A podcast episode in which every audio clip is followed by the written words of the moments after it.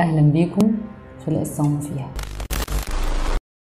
القائد المتدين والمثير للجدل المشير عبد الحليم أبو غزالة. أبو غزالة شخصية مثيرة للجدل حواليه قصص وشائعات كتير.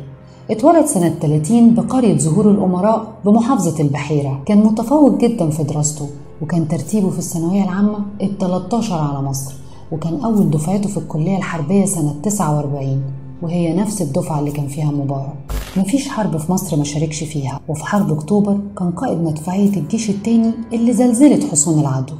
أبو غزالة كان موسوعة علمية متعددة المواهب وكان بيعشق القراية وحصل على شهادات كتير منها إجازة القادة لتشكيلات المدفعية من أكاديمية ستايلن بالاتحاد السوفيتي سنة 61 وخريج أكاديمية نصر العسكرية سنة 72 وكمان بكالوريوس التجارة وماجستير إدارة الأعمال من جامعة القاهرة. ده غير إنه بيجيد الإنجليزية والفرنسية والروسية. وسنة 78 اتعين أبو غزالة ملحق عسكري في أمريكا.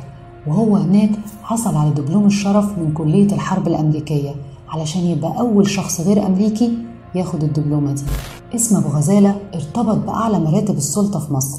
وفي يونيو 79 اتعين مدير المخابرات الحربية وفي مايو 80 اتولى رئاسة أركان حرب القوات المسلحة وترقى برتبة فريق وفي مارس 81 وقبل اغتيال الرئيس السادات بشهور قليلة اتعين أبو غزالة وزير دفاع بعد اللواء أحمد بدوي واللي ما كانش بينه وبين مبارك أي وفاق لدرجة إن بدوي اشتكى للرئيس السادات من تدخل مبارك في الجيش.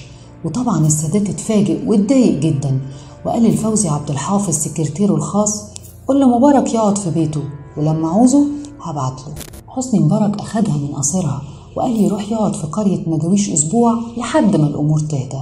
كان السادات خلاص أخد قراره بتغيير حسني مبارك واللي شاع وقتها إنه كان هيعين منصور حسن وزير شؤون رئاسة الجمهورية بس الكلام ده ما كانش صحيح.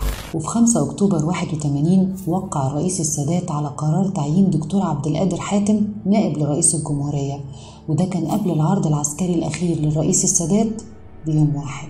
السادات قال لهم ما تقولوش لمبارك وخلوه يحضر العرض وبعدين بلغوه.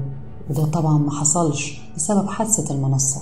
بعد اغتيال السادات كان في معارضة قوية من قيادات الجيش على تولي مبارك الرئاسة وكان أبو غزالة ليه شعبية كبيرة جدا في الجيش وكانت كفته راجحة الحقيقة وكان قريب جدا من الفوز بمنصب رئيس الجمهورية.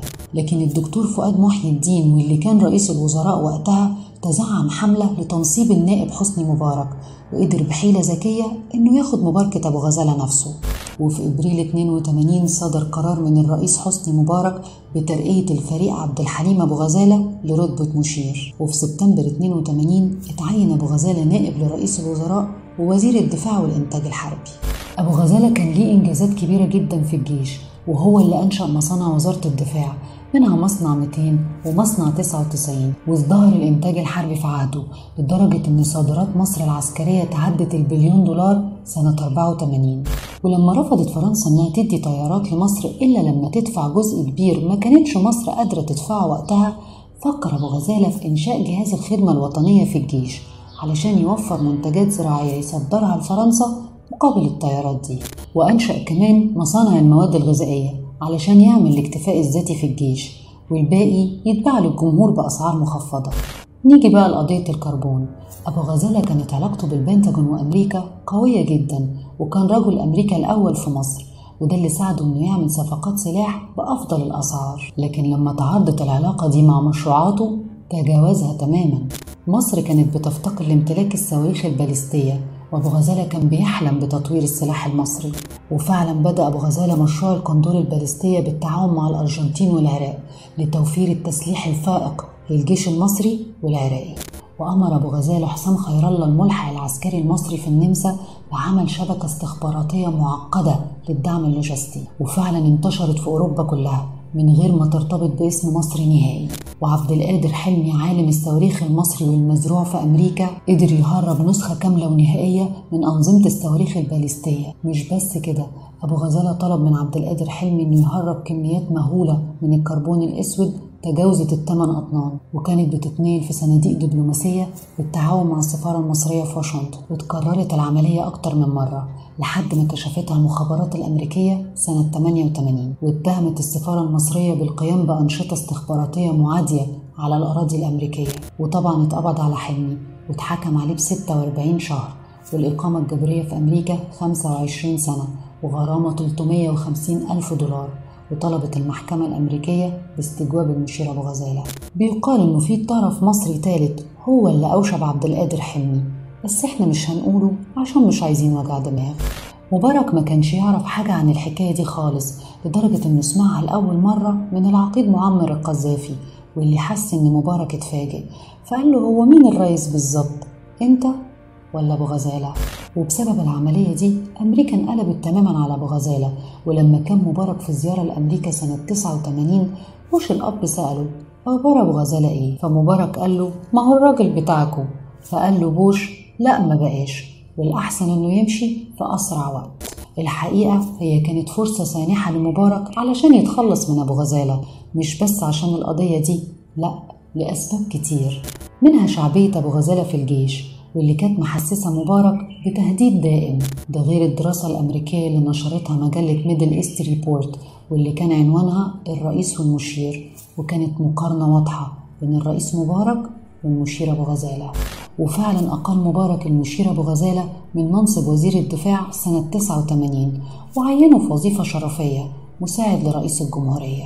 من بعدها بدأت حملة شرسة للتخلص من أبو غزالة نهائيا من خلال تشويه صورته بإلصاقها بعلاقات نسائية علشان يتحول في نظر الشعب من القائد المتدين زي ما كانوا بيسموه لزير نساء لوسي أرتين سيدة أعمال مصرية كانت جميلة حبتين. استغلت اسم المشير أبو غزالة في تحقيق مصالحها وأغراضها بعد ما تعاطف معها المشير لما عرف معاناتها مع طليقها وكان بيساعدها بشكل إنساني مش أكتر. وقدرت توصل لكبار المسؤولين في الدولة من خلال استخدام اسم أبو غزالة. علشان يساعدوها في التأثير على حكم قضائي في نزاع بينها وبين طليقها.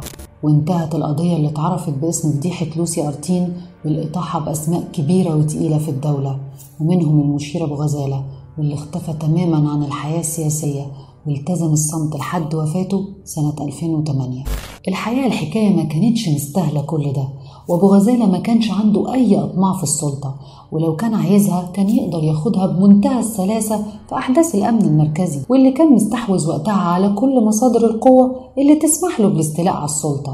لكن واضح إن شعبيته الزيادة كانت مضايقة ناس كتير. والكل قصة حكاية وأنا هقول لكم على اللي فيها. قولوا لنا في الكومنتس عايزيننا نتكلم في إيه في الحلقات اللي جاية. وما تنساش تعمل like و share للفيديو. ولو بتشوفنا على اليوتيوب ما تنساش تشترك في القناة وتفعل الجرس. كنت معاكم ريهام عياد.